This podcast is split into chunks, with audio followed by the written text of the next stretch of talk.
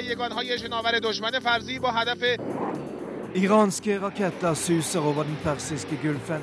Vi er nærmere en åpen konflikt i dette oljerike området på mange år. Hvorfor snakker ikke Iran og Vesten sammen, spør vi i Verden på lørdag.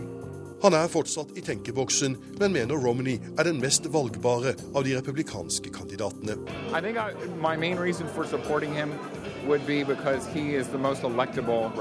I bli med oss på valgmøtet til Mitt Romney i går kveld. Blir han Obamas republikanske utfordrer ved det amerikanske presidentvalget i november? Videoovervåkning er ikke forbudt, og lyset må stå på fordi vi trenger permanent observasjon av henne nå. Ukrainas tidligere statsminister Julia Timosjenko overført til fangeleir. Er arrangøren av EM i fotball på vei til å bli et rettsløst stalinistisk samfunn? Velkommen til Verden på lørdag, der vi også skal innom både Antarktis og Arktis, Sør-Afrika og Makedonia. I studio sitter Morten Jentoft. Ja, går det mot en ny krig rundt Den persiske gulf? Dette spørsmålet stiller stadig flere etter at konflikten rundt Irans atomprogram stadig tilspisser seg. Iran truet den siste uken igjen med å stenge Hormuzstredet, hvor en stor del av verdens oljetransport går gjennom. USA har som så mange ganger før sagt at dette er så godt som en krigserklæring. I går svarte så Iran med å kunngjøre nye militærøvelser i området i februar. En iransk rakett ble testet i Persiabukten mandag denne uken. I alt to langdistanseraketter ble avfyrt, den ene med en rekkevidde på 200 km. Den omfattende marineøvelsen varte i ti dager, og iransk statlig fjernsyn sendte ut rikelig med bilder og uttalelser fra den iranske hæren.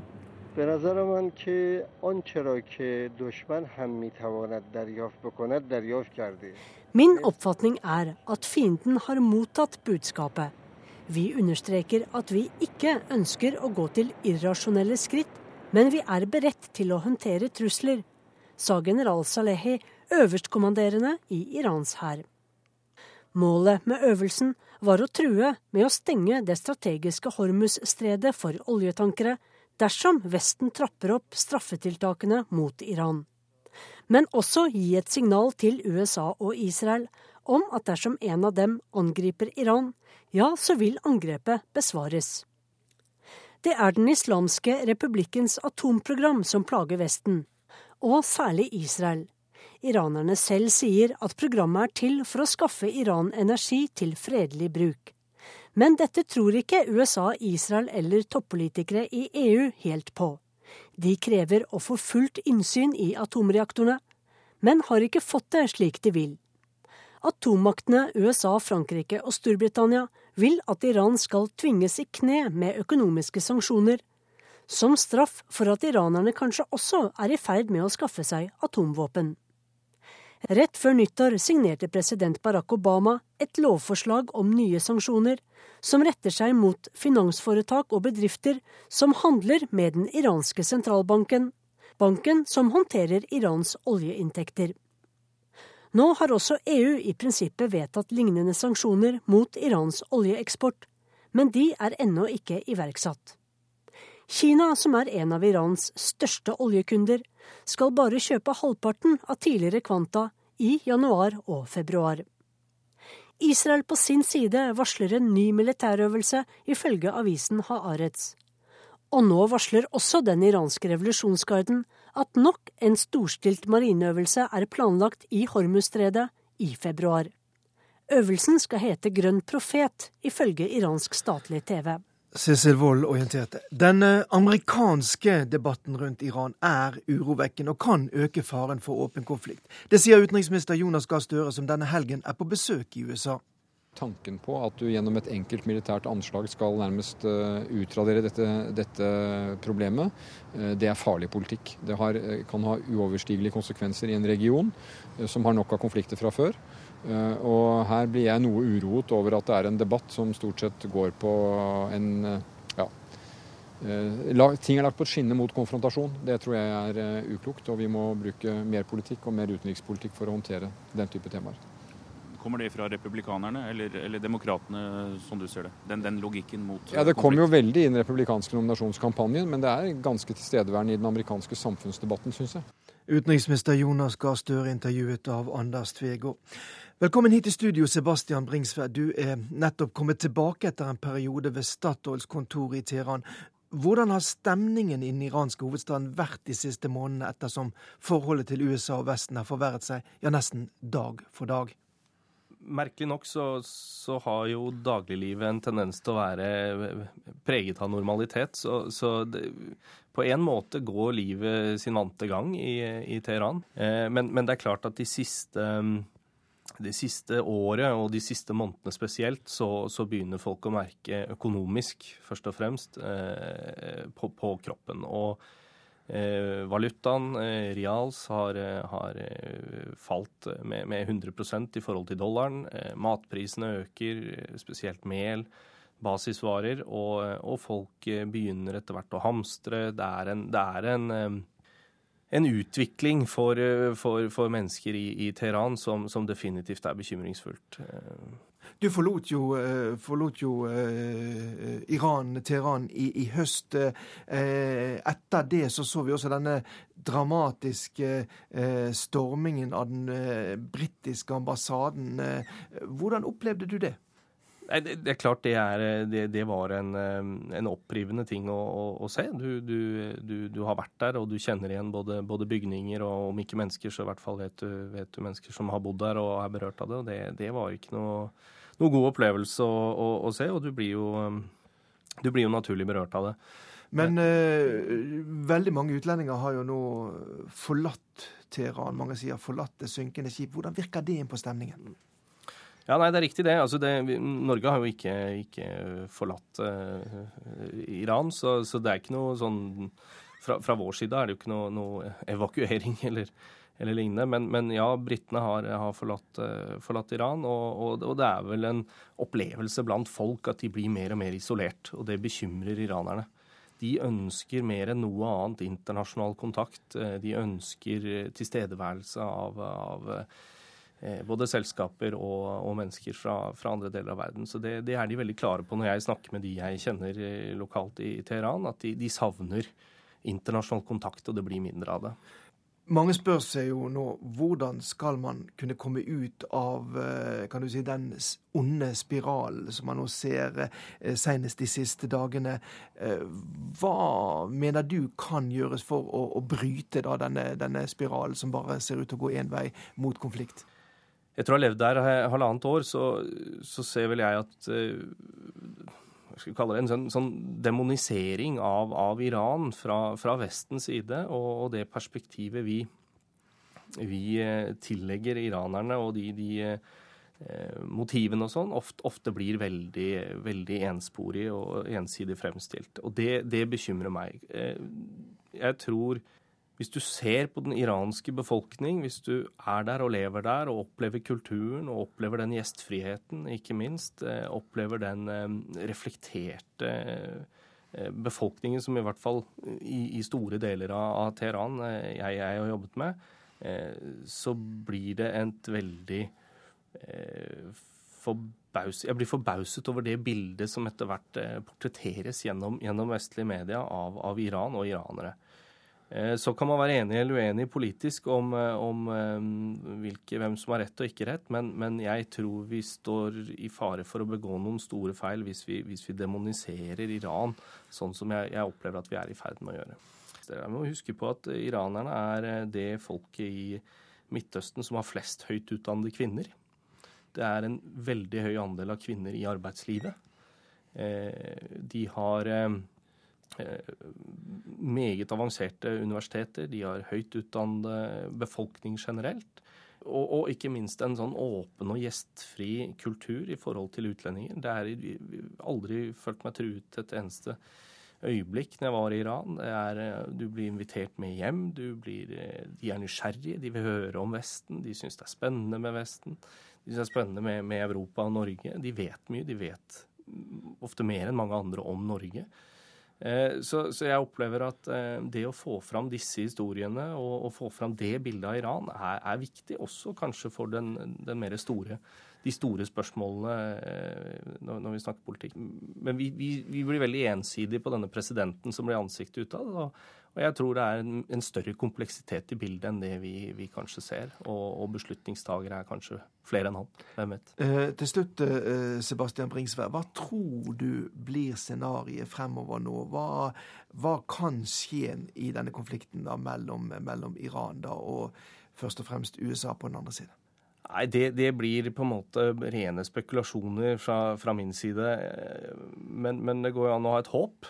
Eh, og et håp vil jo være at man, eh, man klarer å, å, å, finne fram til en, eh, en, eller annen form for dialog og noen kanaler, og, og, hva vet jeg, kanskje de eksisterer i dag. Men, men, men, sånn som det ser ut, og sånn som igjen tilbake til dette blir, måten det blir portrettert på i, i, i vestlige medier i dag, så, så syns ikke jeg nødvendigvis vi er på, på, på rett vei i alle, alle sammenhenger. Jeg, jeg, skulle ønske at vi, vi evnet å se mer større kompleksitet og bredde i bildet, og, og tenke hva, hva, hva, skjer på en måte langt fram. Hvordan har vi tenkt til å på en måte What's the end game here? Hva skal skje med Iran f.eks. etter en konflikt om 10-20 år? Ja, og, og jeg tror eh, jeg tror den iranske befolkning og, og den iranske kultur er, er, eh, har en enorm styrke og har veldig mye å bidra med, også inn mot, mot Vesten. Så jeg, jeg håper for Irans del og for vår del at, at, vi klarer å finne en eller annen vei ut av dette som, eh, som er konstruktiv for alle parter. Takk til deg, eh, Sebastian Bringsvær. Iran og sanksjonspolitikk er også tema for vår lørdagskommentar, som er signert Gro Holm. Det er snart 32 år siden USA innførte de første straffetiltakene mot Iran. Siden er det blitt mange, inkludert fire resolusjoner vedtatt av FNs sikkerhetsråd. De viktigste straffetiltakene er kort fortalt følgende. I USA er all handel med varer og tjenester fra og til Iran forbudt. Det er forbudt å låne ut penger til Iran, og iranske banker er utestengt fra det amerikanske finansmarkedet. Unntakene er få, som for medisinsk utstyr og landbruksteknologi. Fra 1996 risikerer foretak fra tredjeland omfattende straffetiltak dersom de investerer over 20 millioner dollar i løpet av et år i Irans energisektor. Siden er eksport av bensin og teknologi til petroleumsraffinerier i Iran inkludert i listen over handel som rammes av amerikanske tiltak. Statoil kom sterkt i søkelyset, men slapp sanksjoner fordi de lovet å være helt ute av Iran i løpet av 2012. FN har vedtatt våpenboikott, forbud mot eksport av kjernevåpenteknologi, reiseforbud for enkeltpersoner og frysing av midler til flere iranske institusjoner i utlandet. Nyttårsaften signerte USAs president loven som åpner for å straffe alle som har noe med Irans sentralbank å gjøre. Dermed blir det vanskelig for Kina, Sør-Afrika, EU og alle de andre som kjøper olje fra Iran. EU-landene ble denne uka i prinsippet enige om en oljeboikott. Iran har svart på de siste sanksjonene ved å true med å stenge Hormuzstredet i Persiabukta. 20% av verdens olje passerer dette stedet, og Iran kan ta i bruk miner, rakettangrep og sabotasje om de mener alvor. Mange tror at de ikke ønsker eller våger, men noen få rakettangrep kan være nok til å sende oljeprisene og forsikringspremiene i været med opptil 50 dollar per fat, mener oljeanalytikere. Dermed blir importavhengig USA kraftig rammet, samtidig som Iran får tilbake litt av de tapte inntektene som følge av høyere pris. Irans største oljekunde, Kina, har for øvrig gjort det klart at de vil fortsette å kjøpe olje derfra. Iran kunne definitivt vært mye rikere hadde det ikke vært for sanksjonene. De er viktigste årsak til at produksjonskapasiteten for olje og gass ikke blir utbygd videre. Landets raffinerier og petrokjemiske bedrifter er nedkjørt. Flyene er farlige å fly. Men også Statoil, BP og Total kunne vært mye rikere. De som leverer utstyr til energiindustrien og produsenter av forbruksvarer den store iranske middelklassen drømmer om, likeså. Men har sanksjonene gjort verden sikrere? Ingenting tyder på det. Det internasjonale atomenergibyrået IAEA konkluderte i høst med at Iran driver med aktiviteter som er relevant for utviklingen av kjernefysiske sprengladninger. Men noe endelig bevis for at Iran er i ferd med å produsere en atombombe, har IAEA ikke, og Irans offisielle holdning er fortsatt at masseødeleggelsesvåpen er i strid med landets religion. Barack Obama startet ut med et sterkt ønske om dialog med Iran. Men nøyaktig som med Israel-Palestina-konflikten ga han avkall på intensjonene ved første veikryss. Er det én ting alle iranere er født med, så er det den intense vissheten om at de representerer en flere tusen år gammel kultur, til forskjell fra amerikanerne. De bøyer ikke av for press, heller ikke rykter om israelske planer om å angripe fra lufta. De er diplomatiske spillere av høy rang, selv om det ikke alltid virker slik når president Ahmadinejad har sine sirkusforestillinger i FN. Og nå må selv han forsvare seg på hjemmebane i konkurransen med politiske krefter som er enda mer antivestlige. EU-landene truet opprinnelig med å klage de amerikanske straffetiltakene overfor tredjeland innenfor Verdens handelsorganisasjon. Det var på 1990-tallet. Så fikk de løfter om unntak mot frivillig samarbeid mot Iran. I romjula måtte EUs store legge press på de svake, som Hellas, Italia og Spania, for å få dem inn i sanksjonsfolden. Uten at det altså finnes noen holdepunkter for at 32 år med straffetiltak har hatt den ønskede politiske effekten. Tvert imot.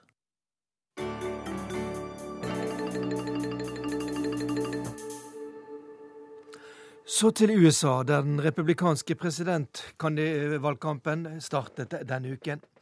Eh, Mitt Romney vant knepen primærvalget i Iowa på tirsdag, og om tre dager er det valg i New Hampshire. Og vår korrespondent Jongelius var i natt på valgmøte med Romney.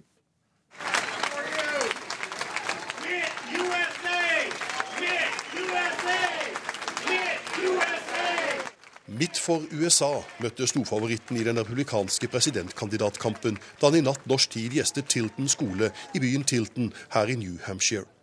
Mitt Romney er i støtet og leder på samtlige meningsmålinger før tirsdagens valg her i denne nordøstlige delstaten. Spagetti sto på menyen for de flere hundre tilhengerne som hadde stuet seg sammen i skolens historiske storstue.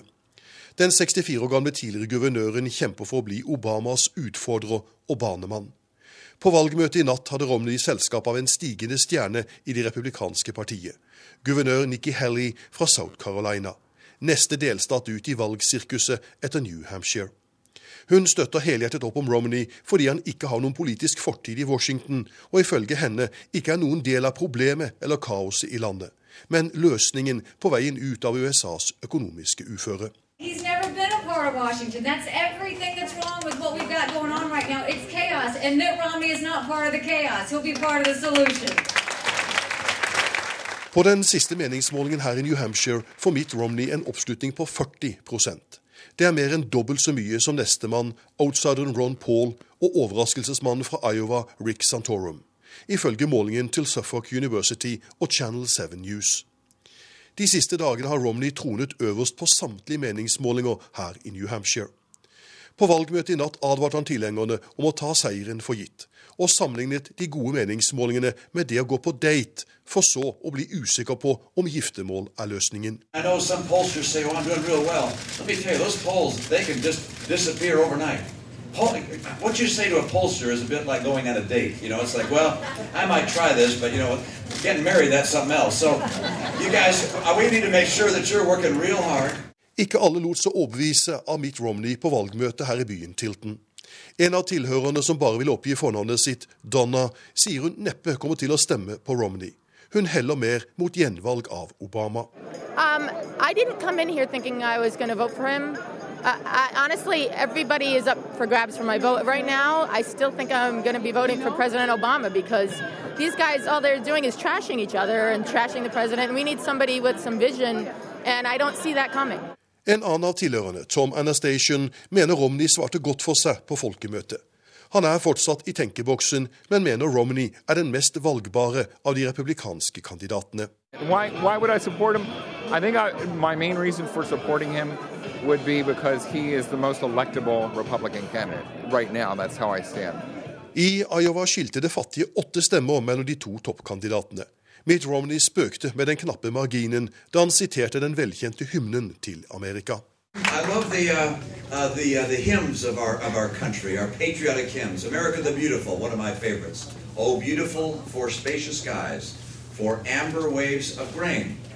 I told my friends in Iowa that corn counts as an amber wave of grain, and they, they, that got me that eight vote margin I got. You know? so, uh, Om tre dager er det altså valg her i New Hampshire, og alt tyder på at Mitt Romney kan komme til å ta en dobbel. En uke senere venter South Carolina, og den ferskeste meningsmålingen der viser også Romney på topp med en oppslutning på 37% Et hestehode foran Rick Santorum og Newt Gingrich på 19 og 18% ifølge målingen til Time og CNN. Slår prognosene for de to neste delstatsvalgene til, kan Mitt Romney komme til å ta en trippel og nærmest parkere de andre republikanske utfordrerne før valgkampen er kommet i siget.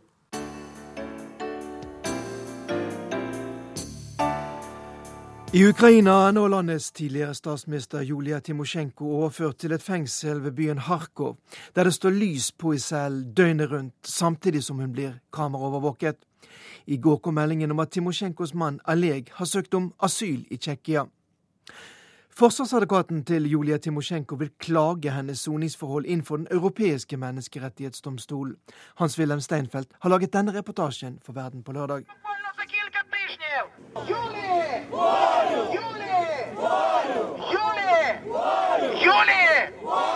Julia, Julia roper fortsatt de trofaste tilhengerne til heltinnen fra oransjerevolusjonen i Kiev i 2004. For helt på tampen av fjoråret ble Ukrainas tidligere statsminister Julia Timosjenko overført fra varetektsfengselet i Kiev til fangeleir nummer 64 i Kansjanovskij-leiren ved Kharkov, som ligger 500 km fra hovedstaden. Og der sitter Julia Timosjenko på celle nummer seks i varetektsdelen av fangeleiren. Lyset er skrudd på døgnet rundt, og den omstridte politikeren med den lyse fletten får ikke sove. Mens en talsmann for fangeleiren forsvarer så streng overvåkning av henne den første tiden i leiren, hvor hun skal sone syv års fengsel. Видеонаблюдение не запрещено. И постоянное наблюдение, Videoovervåkning er ikke forbudt, og lyset må stå på fordi vi trenger permanent observasjon av henne nå, sier denne talsmannen for fengselsmyndighetene i Ukraina.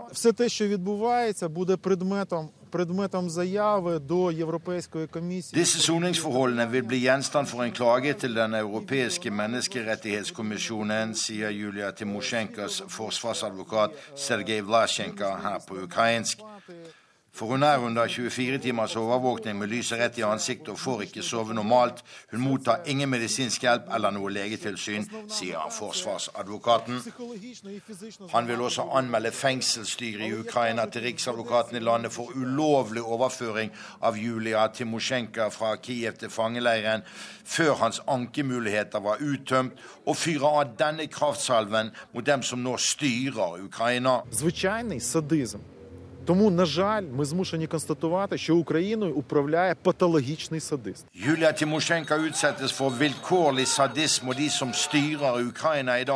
Er patologiske sadister, sier advokat Sergej Vlasjenko. Her får Julia Timosjenkos forsvarsadvokat delvis medhold av president Jerzy Buzek i Europaparlamentet. Han er selv fra Tsjekkia. Og han sier nå ifølge opposisjonsavisen Pravda Ukraina at Ukraina ikke lenger prioriteres av EU som for to år siden, fordi Jerzy Buzek mener opposisjonens ledere der trues og underkues gjennom vilkårlig misbruk av straffeloven. På vegne av sosialdemokratene i Ukraina har politikeren Natalja Karaljevska nå også skrevet et offisielt brev til USAs president Barack Obama. Obama bes bruke sin forslagsrett til å nominere Julia Timosjenko til Nobels fredspris for 2012. I fjor ble hun dømt til syv års fengsel for maktmisbruk i statsministerstolen da Ukraina inngikk en avtale med Russland om et stort gasskjøp i 2009. Russlands statsminister Vladimir Putin kaller anklagen mot Julia Timosjenko for absurd. Hun signerte ikke avtalen selv engang, sier Putin. Vladimir Putins syn er interessant fordi han selv sterkt støttet nåværende president Viktor Janukovitsj under oransjerevolusjonen i Ukraina i 2004 mot nettopp Julia Timosjenko og landets forrige president Viktor Jusjenko, som vitnet mot sin tidligere så vakre partnerske i politikken under straffesaken i fjor høst. Og Kharkov, eh, der altså Julia Timosjenko sitter fengslet, det er en av byene der Ukraina til sommeren etter planen skal avvikle Europamesterskapet i fotball.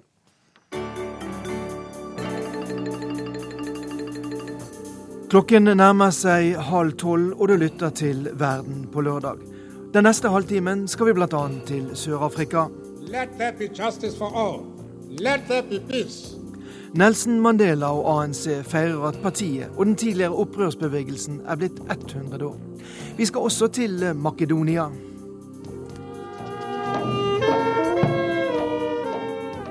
Hele nasjonen sørga da Gligorov ble ført til grava. Han ble 94 år gammel og var som president verdens eldste statsoverhoved. Mer om Giro Glikorov ca. kvart på tolv. Og til slutt i sendingen tilbake til USA, der Jongelius i sitt korrespondentbrev forteller om de vanskelige valg amerikanerne er opptatt av i det nye året. I beste sendetid etterfølges nemlig reklame for slanking av nærbilder av saftige hamburgere og chilipølser med ost.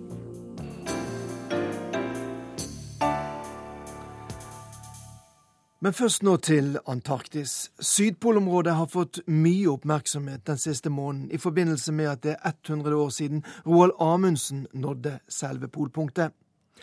En rekke land har etablert forskningsstasjoner i det ugjestmilde landskapet, og mange spør seg om det i det skjulte foregår et kappløp om kontinentet, på samme måte som det vi nå har sett de siste årene i Arktis. Eivind Molde har laget denne reportasjen for Verden på lørdag. En svak vind gjør at eh, kulden biter litt ekstra. Gradestokken eh, viser minus 34 her på det sørligste eh, punktet på jorda. Under meg har jeg 2700 meter med is. Vi er fra seks forskjellige land og tre institusjoner. En helt annen stad i Antarktis. Kirsti Langley og sju andre forskere er ute i felten for å studere isutviklinga langs den antarktiske kysten. Utgangspunktet er den norske forskningsstasjonen Troll. Ser status på klima på den områdene i siste noen hundre år. Framfor meg ser jeg tolv flagg, ett fra hvert av landene som skrev under Antarktistraktaten i 1959. Siden har andre slutta seg til traktaten, i alt 49 land. Det er landene i Antarktistraktaten som forvalter dette enorme kontinentet. De har et eget sekretariat, og på ATCM-møter en gang i året blir avgjørende tatt. Norge er representert gjennom Utenriksdepartementet og polarrådgiver Karsten Klepsvik. Det er overhodet ikke konflikter. Jeg vil si at Antarktisk-traktatsamarbeidet er vel et av de mest suksessfulle internasjonale samarbeid vi har. Hva er årsaken til at det går så fint? Det er jo et vanskelig terreng. Det er langt borte. Slik at du i utgangspunktet så hadde du ikke en situasjon der enkelte hadde etablert økonomisk aktivitet i området. Men det er utfordringer, både innenfor forskning og turisme. Here we are. This is the last big discovery on planet Earth, the South Pole. You've never been here before? Oh no. I overkant av 25 000 turister kommer til Antarktis denne sesongen. De fleste reiser på cruise langs den antarktiske halvøya, men noen tar altså turen med fly hit til selve polpunktet. Når det gjelder turisme, så er nok veldig mange bekymra for at vi skal få det som vi kaller for permanente installasjoner. Med andre ord, vi ønsker ingen hotell eller slike ting i Antarktis. Vi ønsker at uh, det kan, skal være turisme, men den bør etterlate seg minst mulig spor. Og så er vi også veldig opptatt av at man ikke bør besøke områder som er veldig utsatt og veldig sensitive. Er det press om mer turisme? Pga. Eh, den økonomiske situasjonen i verden de siste fire årene, så har turismen gått ned nå på kort sikt. Men økningen på lang sikt er nok betydelig, og vi må nok ta høyde for at presset blir atskillig større i fremtiden. Her på Sørpolen ligger den eh, store amerikanske Amundsen Scott-basen. 250 mennesker har jobben sin her i høgsesongen. Norge har investert over 200 millioner kroner på og i tilknytning til sin stasjon Troll. Over hele Antarktis er det vel 70 forskningsstasjoner. Kanskje er det blitt litt for mange. Vi ser en stor økning i antall stasjoner, og kanskje mangel på samarbeid mellom de forskjellige land. Slik, eh, for å unngå dobbeltarbeid. I dag er det veldig mye slik at eh, hver enkelt er veldig opptatt av å få etablert sin egen stasjon, og veldig ofte antagelig gjør nøyaktig samme forskning. Den fjelltoppen der er det en stor eh, ære å få lov til å døpe Trollveikja.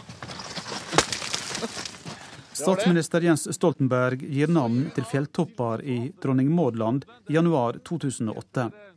Norge er et av sju land som gjør krav på sin bit av Antarktis. Det er faktisk nedfelt i Antarktistraktaten at disse kravene står ved lag, men det er også da sagt i samme traktat at vi er enige om å være uenige. Så Norge sitt krav eh, på Dronning Maudland står eh, klart fast. Kan det ligge en spire til konflikt her? Nei, det tror jeg ikke. Det, dette her er nå en akseptert situasjon. Vi er uenige om å være uenige. I det polare området i nord, i Arktis, der øker presset. Der er vi vitne til det som kan fortone seg som et kappløp mellom stormaktene om ressurser og makt. Det vekte oppsikt da russerne planta flagg på havbunnen under Nordpolen. Karsten Klepsvik ser ingen tegn til noe tilsvarende i Antarktis. Det er ikke problemstilling i dag.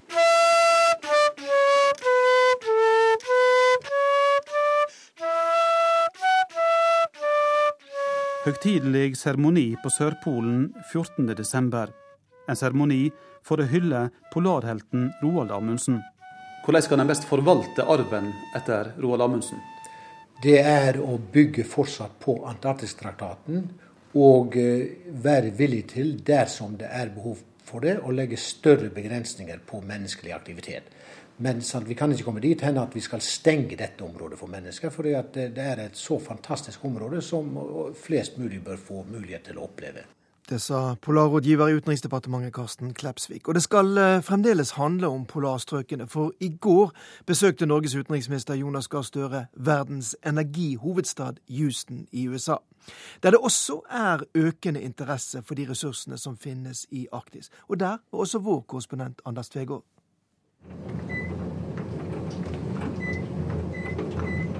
Det går raskt til toppen her i Houston. Den amerikanske økonomien viser tegn til bedring. Hello, hi, hi, og i 43. etasje ligger petroleumklubbens lokaler med oljebyens beste utsikt. We're extremely fortunate today to have with us uh, Minister of Foreign Affairs Norway, Minister Gar Sture. I think I got that pretty close. Utenriksminister Jonas Gahr Støre skal holde lunsjforedrag. Is smelter, grenser i bevegelse, er overskriften. Over 300 gjester fra olje- og gassektoren har benket seg rundt små øyer for å høre hva han tenker om energiressursene i nordområdene. Norway is an Arctic state. We have a geography that stretches I'm very interested in the Arctic development for long-term impact on the US and world oil supply and demand outlook. Kay McHugh drev med risikoanalyse for naturgasselskapet El Paso. Nå er hun konsulent for Verdensbanken og Universitetet i Houston. McHugh er spent på hvordan Norge vil styre energiutviklingen i arktiske strøk. I believe there's some tax issues that are difficult, and it's a more punitive tax regime than what we're used to. But working with Statoil is, is, is.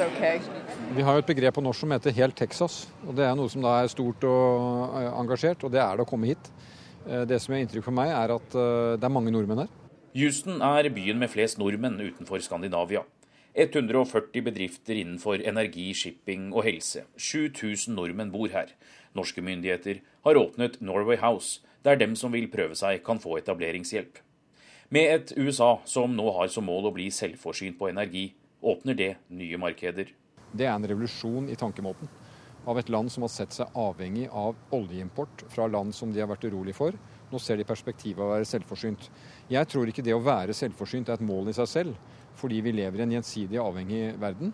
Eh, men det, det som skjer på gass, store gassmuligheter i USA, hvor bl.a. Statoil er langt framme, det revolusjonerer tankegangen på energi her i dette landet. Det er første gang Jonas Gahr Støre besøker Houston og det norske miljøet som utenriksminister. Det som er viktig for meg, er å snakke om nordområdene, om Arktis, som er en ny region av global interesse, og hvor Norge er i front. Jeg tror vi har begynt tidligere med å forstå hva som skjer, være ledende aktør på diplomati, utenrikspolitikk, delelinjen med Russland, spilleregler i nord. Og jeg ønsker alle steder jeg kommer som har med energi, ressursutnyttelse å gjøre, å snakke om nordområdene på norsk måte. Hvilke krav vi stiller til bedrifter og næringsliv som engasjerer seg på miljø, helhetlig forvaltning, krav til klima. Eh, samtidig som vi peker på de store mulighetene som er. Og jeg mener at i dette området av USA finnes noe av spissteknologien som gjør det mulig å gjøre dette på en ansvarlig måte. Men de kommer til å møte i Norge også myndigheter som stiller klare krav. Uh, people are very aware that they have to pay more attention to the environment and adhere to the regulations. Uh, the regulations are there to be obeyed and they need more safeguards. Foredraget i 43. etasje varer i 45 minutter. Konsulenten Kay McHugh tror ikke for mange regler, skatter og restriksjoner er for populært. Men hun mener det er stor interesse blant amerikanske selskaper for å melde seg på i Arktis. Uh, we have the know-how to develop deep water in difficult areas. So does Statoil, but you know people would be willing to partner with Statoil. They're a very good company to work with. De energiselskapene som skal gjøre seg gjeldende i framtiden, de må også ta hensyn til miljø og til klima. Vi må ha en visjon at utslippene må ned slik at vi kan bidra med energi til verden hvor halvannen milliard mennesker ikke har adgang til elektrisitet, på en måte som ikke ødelegger klimaet. Det er noe myndighetene må gjenta hele veien, og som jeg gjentar i møte med bedrifter, norske og amerikanske her.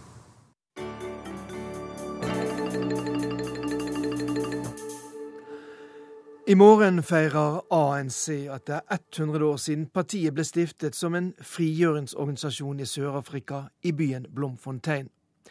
Det er ventet at 100 000 mennesker vil delta i markeringen denne helgen. Blant dem kanskje også organisasjonens mest kjente ansikt, Nelson Mandela.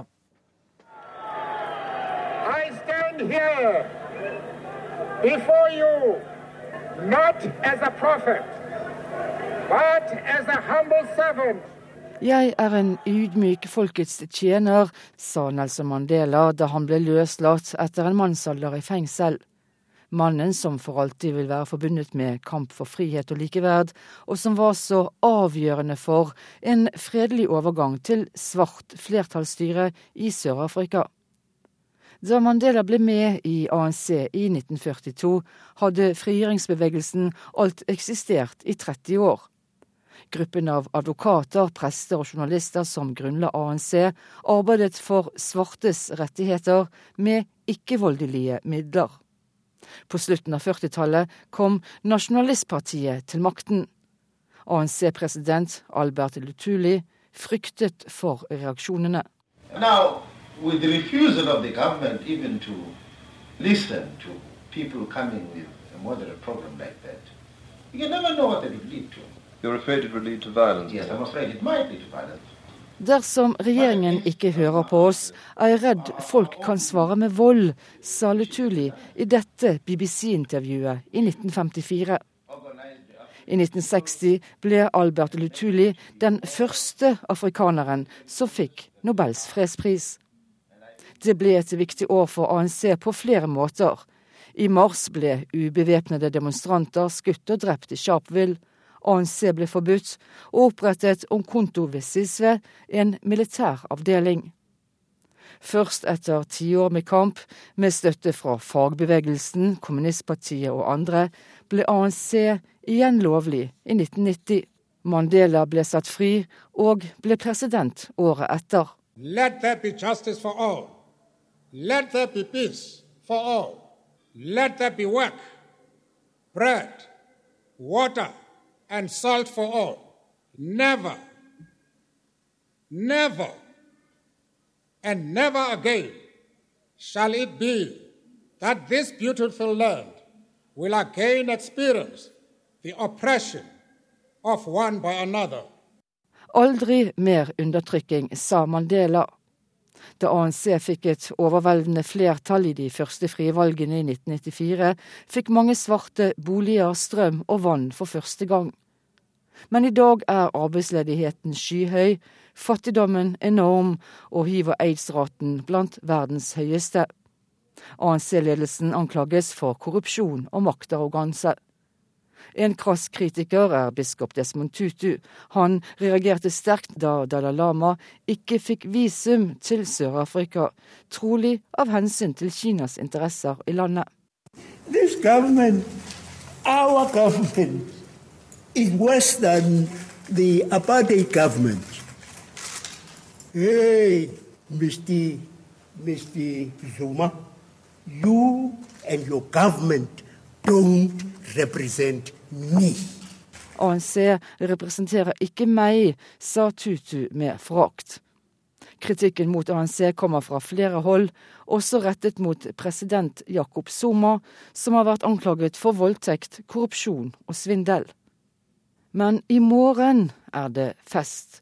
Det er meldt at 93-årige Mandela ikke er i form til å delta. Men Tutu kommer, og det gjør også 100 000 andre spesielt inviterte, blant dem statsoverhoder og representanter fra land som støttet ANC i frigjøringskampen. I morgen skal de feire Afrikas eldste organisasjon. Og det sa reporter Eva Kristine Hyge.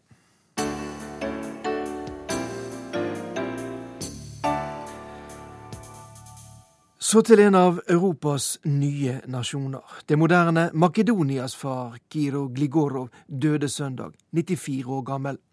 Han var Makedonias første president, og fikk den vanskelige oppgaven med å lede landet som nabolandene mente tilhørte dem. At this solemn moment I'm happy and excited to express the gratitude for the support expressed by the admission of the Republic of Macedonia as an equal member of the United Nations organization. Kiro Gligorov vil bli huska som den første makedonske president som talte i FN-generalforsamlinga. Det forteller den makedonske politikeren Stojan Andov til NRK. Македонец, кој на македонски јазик избореше во Генералното собрание на Обединетите нации. Andov steppa inn som president i 1995, da landsfaderen Kiro Gligorov lå hardt skada på sykehus. Ei bombe gikk av idet Gligorovs svarte regjeringsmercedes passerte. Sjåføren omkom, og flere fotgjengere ble skada. Gligorov mistet synet på ene øyet, og resten av livet gikk han med et djupt hakk i panna. Pekefingrer ble retta mot bulgarske oligarker og den albanske mafiaen. Leder for nyhetsbyrået AFP i Makedonia, Sjasmina Mironski, sier Gligorov hadde sine mistanker.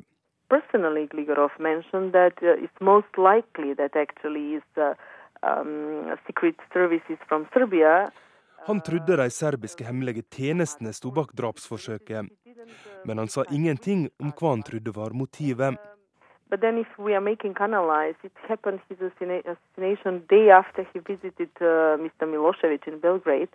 Men analyserer vi situasjonen, så skjedde attentatforsøket én dag etter at Gligorov besøkte Slobodan Milosevic i Beograd, forteller Mironski.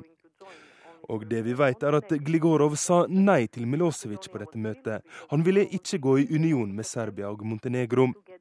Dette likte Milosevic dårlig, forteller Jasmina Mironski til NRK. And that was not very happily accepted in Belgrade and in Athens as well.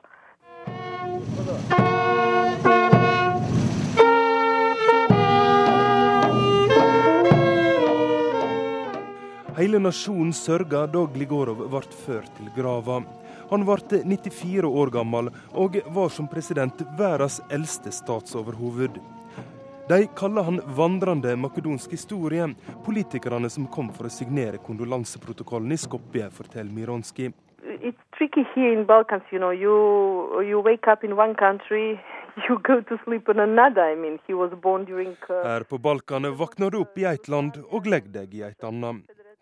Gligorov begynte sin politiske karriere som partisan i et kongerike. Etterpå steg han raskt i gradene i sosialistrepublikken Jugoslavia.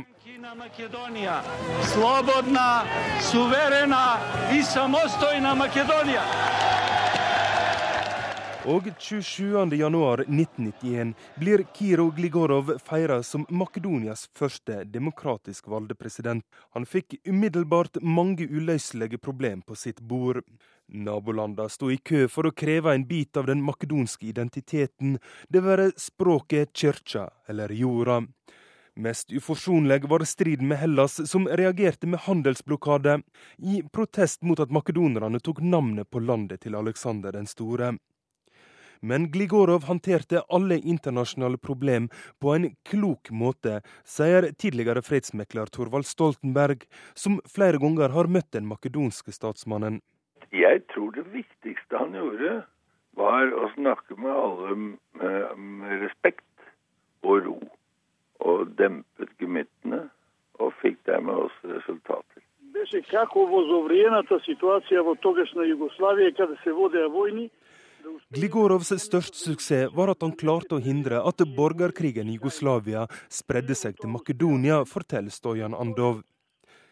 En viktig årsak til dette var at Gligorov klarte å overbevise selveste general Ratko Mladic om å trekke ut den jugoslaviske hæren fra Makedonia, forteller Mironski. That was tough negotiation. I was present at some point, and with um, General Mladic at that Skopje, uh, it was really tough conversations for hours, hours, hours, and that was going day by day. At the end, the army left. How did he convince Mladic to to take the army out of Macedonia? Uh, the the wife of Mladic was from Macedonia, and Mladic actually was living in Macedonia. Men Gligorov hadde en fordel ved at kona til Mladic var fra Makedonia. Hun bidro til at Mladic ga seg uten kamp, hevder Mironski og at makedonske ungdommer slapp å bli sendt i krigen i Slovenia, Kroatia og Bosnia, for der å bli drepne for ingenting.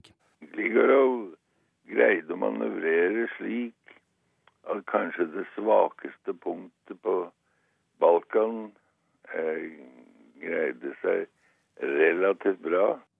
Og Det sa Torvald Stoltenberg. Reporter var Roger Severin Bruland.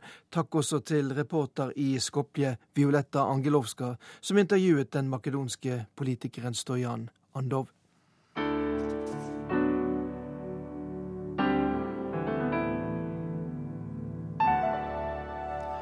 Klokken nærmer seg ti på tolv, og vi er kommet frem til korrespondentbrevet. Det er postlagt i USA, der vår mann Jongelius har gjort seg noen refleksjoner om hva amerikanerne må ta stilling til i det nye året.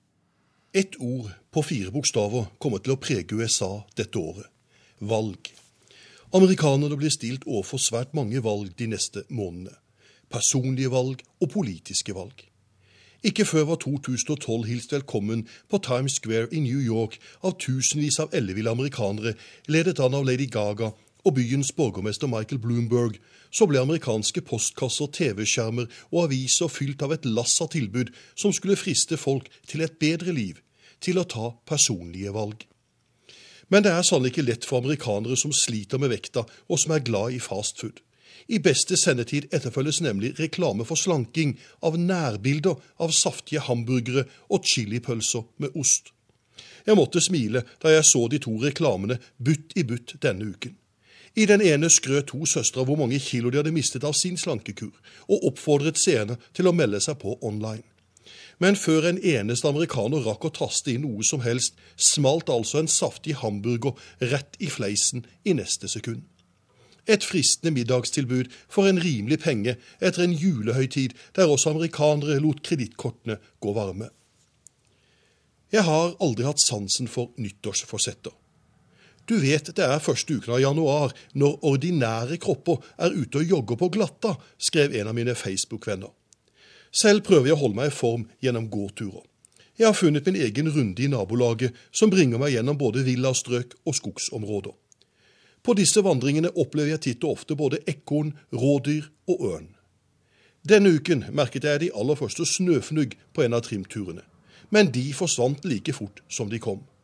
Noen kalde dager fulgte i kjølvannet. Minus åtte grader er faktisk det kaldeste jeg har opplevd til nå her like utenfor Washington DC. Kontrasten var slående til forrige ukes vandring på bare føtter langs Venice Beach i California.